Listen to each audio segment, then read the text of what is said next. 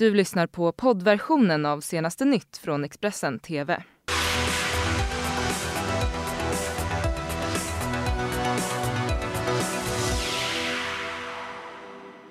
Varmt välkommen hit till senaste nytt eh, här i Expressen TV. Jag heter Anna Hedenstam och det här är våra toppnyheter just nu. Den unge mannen som sköts i Linköping igår kväll har avlidit under natten. Kaos när stormen Dennis drar in. Tågtrafiken kan drabbas under två dygn. Och Mohombi och Mariette direkt till final efter gårdagens deltävling i Melodifestivalen. Välkommen. Ja, en man i 20-årsåldern har dött eh, efter skottlossningen i området Skäggetorp i Linköping under lördagskvällen. Det uppger polisen på sin hemsida. Det var vid 20.30-tiden som polisen fick larm om skottlossningen och strax före midnatt så meddelade man att mannen hade avlidit. Hans anhöriga har underrättats. En förundersökning om mord har inletts. Det finns inga uppgifter om att någon person ska ha gripits för det här brottet. Kinas eh, president Xi Jinping ska redan den 7 januari ha agerat för att stoppa spridningen av coronaviruset, det skriver New York Times. Om uppgifterna stämmer så betyder det att Xi Jinping började utfärda order för att stoppa viruset omkring två veckor innan han uttalade sig offentligt. Och det ska i så fall bevisa att presidenten var medveten om farorna medan tjänstemän i virusets epicentrum offentligt tonade ner riskerna, skriver skriver New York Times. Den totala dödssiffran i Kina är nu uppe i över 1600. Samtidigt så fortsätter också evakueringen av fartyget Diamond Princess. Men det går långsamt, CNNs Matt Rivers rapporterar.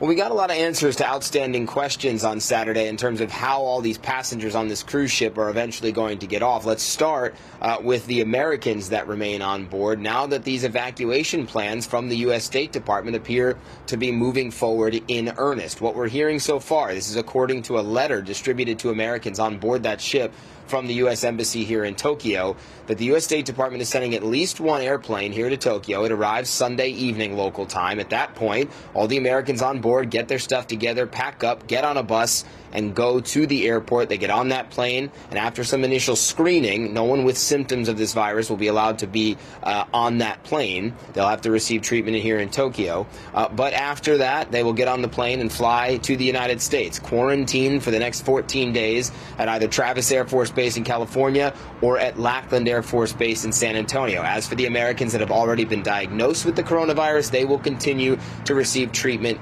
here in Japan. Now, this is a change for the U.S. State Department. Up until this point, we had been hearing from the American government that they were going to follow Japanese quarantine regulations, which would have people remain on this ship until at least February 19th. Uh, that was the plan, that they go through that quarantine process. After that was over, they could take a commercial flight home, assuming that Japanese authorities said that they didn't test positive for the coronavirus. But that obviously changed. We don't know what prompted the, gov- the government to make that change, but they made that change, and that's where things stand now. As for the people who aren't Americans on that ship, not great news for them today. The Japanese government saying that this quarantine period will likely be extended past the 19th. They say they want to test everyone on board before they get off the ship, and there is no way they can do that before the 19th. So, all these people who have been stuck on this ship for uh, more than 10 days now, well, for now, they're going to be stuck even longer. Matt Rivers, CNN in Yokohama, Japan. Nu drar stormen Dennis in över Sverige med ett rekordlågtryck och enorma mängder regn. Och tågtrafiken väntas drabbas hårt under de närmaste två dygnen. Ett rekorddjupt lågtryck så beskrivs stormen Dennis som under helgen och början på veckan sveper in över stora delar av Europa där förberedelserna pågår för fullt. It's just a general concern that they've got to get themselves prepared for. Uh, we don't know how much water is going to fall, but probably quite a considerable amount in the next sort of 24 hours, 36 hours. I England tar man hjälp av armén samtidigt som gatorna i Reykjavik i Island står tomma på bilar. I stora delar av Sverige har SMHI utfärdat klass 1-varningar för kraftig blåst och mycket regn. I synnerhet är det de västra delarna av Götaland, Svealand och Västerbotten som kommer att drabbas av ovädret. Rejält blåsigt både nu på söndag och på måndag återigen. Eh, inte omöjligt att vi kan få nya varningar för rejält blåsigt väder, framför allt i södra Sverige och i Västsverige. Eh, det kommer också blåsa upp ut över Östersjön, ut på Gotland kan det bli rejält blåsigt, framför allt under söndagsdygnet. Och ska du ut och resa, ja då gäller det att hålla koll på din avgång. Tåg i främst södra och västra delarna av landet ställs in i upp till 42 timmar. Den här stormen är faktiskt lite speciell på sitt egna sätt. Eh, den här stormen Dennis i prognosen någonstans under helgen så skulle det här lågtrycket kunna få ett så pass lågt tryck eh, att det till och med slår nytt eh, rekord för nordatlantiska lågtryck. Då. Så till Irak där flera explosioner har skakat huvudstaden Bagdad enligt nyhetssajten Al Arabia. Och enligt en amerikansk militärkälla så ska raketer ha slagit ner nära USAs ambassad, rapporterar AFP. Dessutom ska en militärbas ha träffats enligt Reuters. Det finns inga uppgifter i nuläget om skadade. Enligt vittnen hörde, syntes stora rökmoln över området och varningssirener hördes också. Flygplan ska också ha setts kretsa i luften. Det är den 19 attacken mot amerikanska intressen i Irak sedan oktober månad. Snart 34 år eh, efter skotten på Sveavägen så kommer nu nya uppgifter om Palmemördaren som först ska ha skjutit mot Lisbeth Palme och därefter avlossat skottet som dödade statsminister Olof Palme den 28 februari 1986. Detta hävdar tidigare SVT-journalisten Lars Borgnäs i en ny bok som ifrågasätter statsministerfruns uppgifter i polisförhören. Sveriges statsminister Olof Palme är död. Olof Palme sköts ned i korsningen Tunnelgatan, Sveavägen och han dog senare på Sabbatsbergs sjukhus. Palmemördaren sköt först mot Lisbeth Palme och först därefter avlossade skottet som dödade statsminister Olof Palme. Ja, det hävdar den tidigare SVT-journalisten Lars Borgnäs i en ny bok. Den omvända skottföljden går stick i stäv med Lisbeth Palmes egna uppgifter i förhör där hon beskriver hur det var det första skottet som träffade maken och att hon besköts därefter. Palmegruppen är kritisk till Borgnäs teori och Olof Palmes son, Mårten Palme, säger till Expressen att han inte har någon anledning att tro något annat än att hans mammas vittnesmål varit korrekta. Utredningen om mordet på statsministern har kallats för Sveriges viktigaste mordutredning. Den har präglats av interna konflikter, krossade poliskarriärer och rättsskandaler. Det var den 28 februari 1986 som Olof Palme och hans hustru Lisbeth Palme var på bio i centrala Stockholm. Klockan hann passera 11 innan filmen var slut och paret var på väg hemåt när de klockan 23.21 passerade korsningen Sveavägen-Tunnelgatan. Där sköts Olof Palme till döds med en revolver på kort avstånd. Även Lisbeth Palme träffades av ett skott och kulan rispade hennes rygg. Gärningsmannen avvek snabbt från platsen. Sen den kvällen har det spekulerats mycket kring vem mördaren är.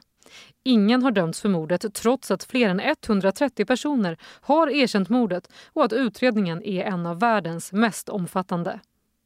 Christer Pettersson, en känd missbrukare, blev åtalad för mordet den 29 maj 1989. Ditt alibi är hundraprocentigt korrekt. Varför ljög du om detta? Du snackar inte skit. Nej, vänta Christer. Christer, vänta. Det är kört, i juli samma år dömde tingsrätten Pettersson till livstidsfängelse för mordet. Men tingsrättens ledamöter var oeniga och domen överklagades till hovrätten där Christer Pettersson friades. Så ska det handla om 22-åriga Benjamin Pape som växte upp i en familj som konverterade till islam och radikaliserades. Mamman Ulrika Pape, systern Amanda Gonzales och svågern Mikael Skråmo anslöt sig till terrororganisationen IS i Syrien. Nu väljer Benjamin Pape att berätta om sina upplevelser för Expressen. Min mamma och min syster och, och min systers man, de Allting handlar om religionen. Och till slut handlar det inte om att vara en bra människa. Det handlar bara om att föra fram sin egen radikala, otroligt dogmatiska tro fram. Så jag var tvungen att, tvungen att ta avstånd från det när jag var 14. Eh, så då gick jag fram till min mamma och sa att vi behöver sitta ner och ha ett samtal vi behöver prata om någonting. Och, eh, det, det var så stort för mig detta, för det, det var att lämna allting som var viktigt för mig och allting som var så viktigt för min familj, det var, det var väldigt, väldigt svårt. Jag kommer ihåg att jag bara vaknade en morgon och såg rubrikerna om att de var i Syrien.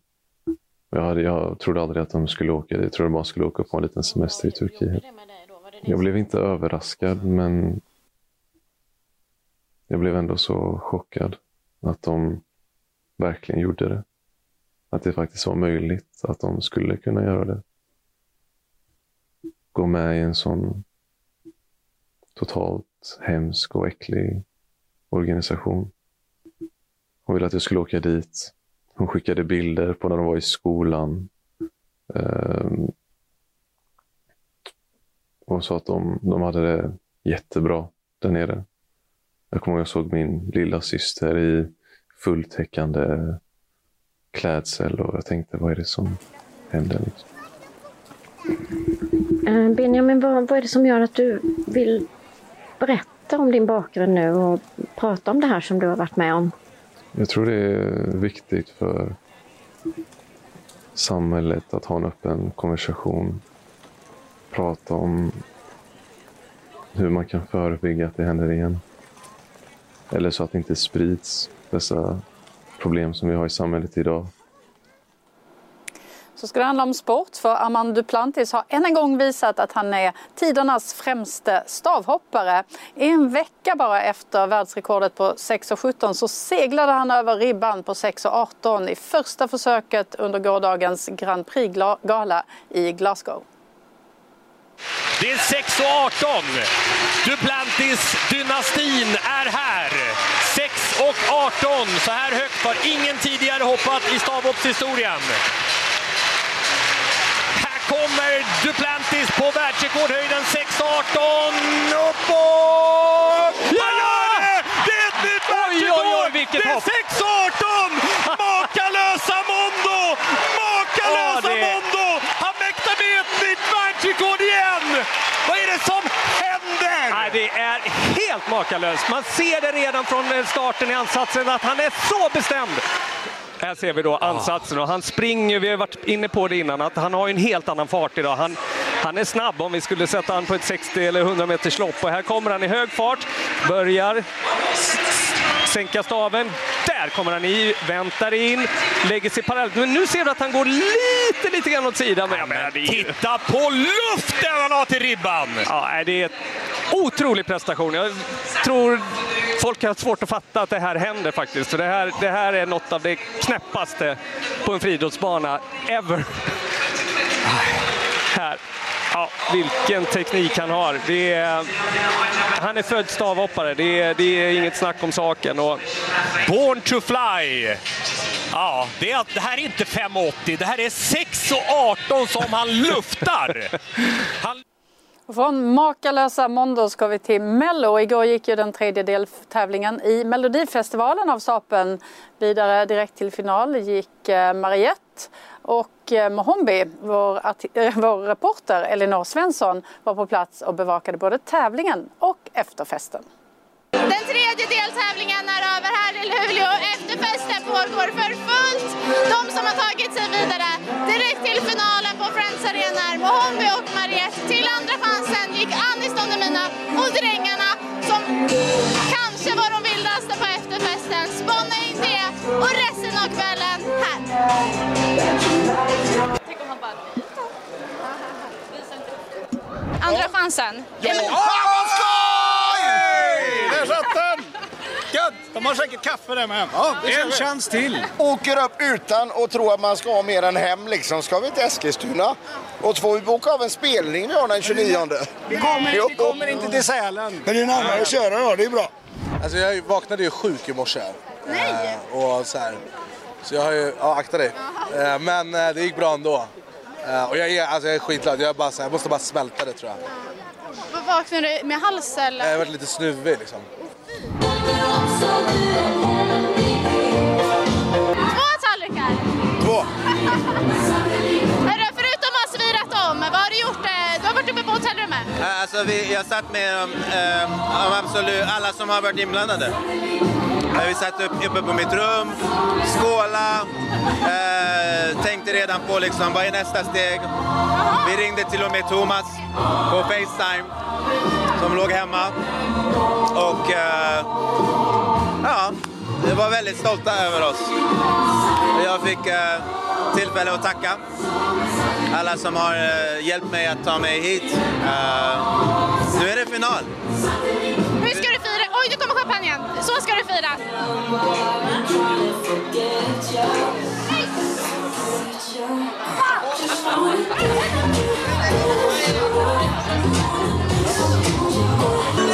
Alltså vilken kväll, vilka känslor. Jag har kämpat så jävla hårt för det här. Eh, och nu är final. Härligt. Och med det så önskar vi dig en fortsatt fin söndag. Vi är strax tillbaka.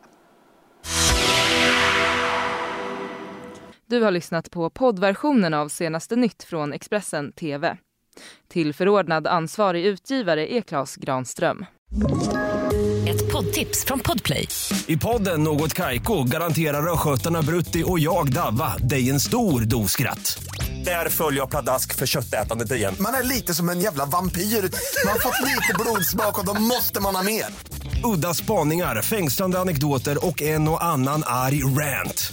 Jag måste ha mitt kaffe på morgonen för annars är jag ingen trevlig människa. Då är du ingen trevlig människa, punkt. Något Kaiko, hör du på Podplay. Därför är gardinerna.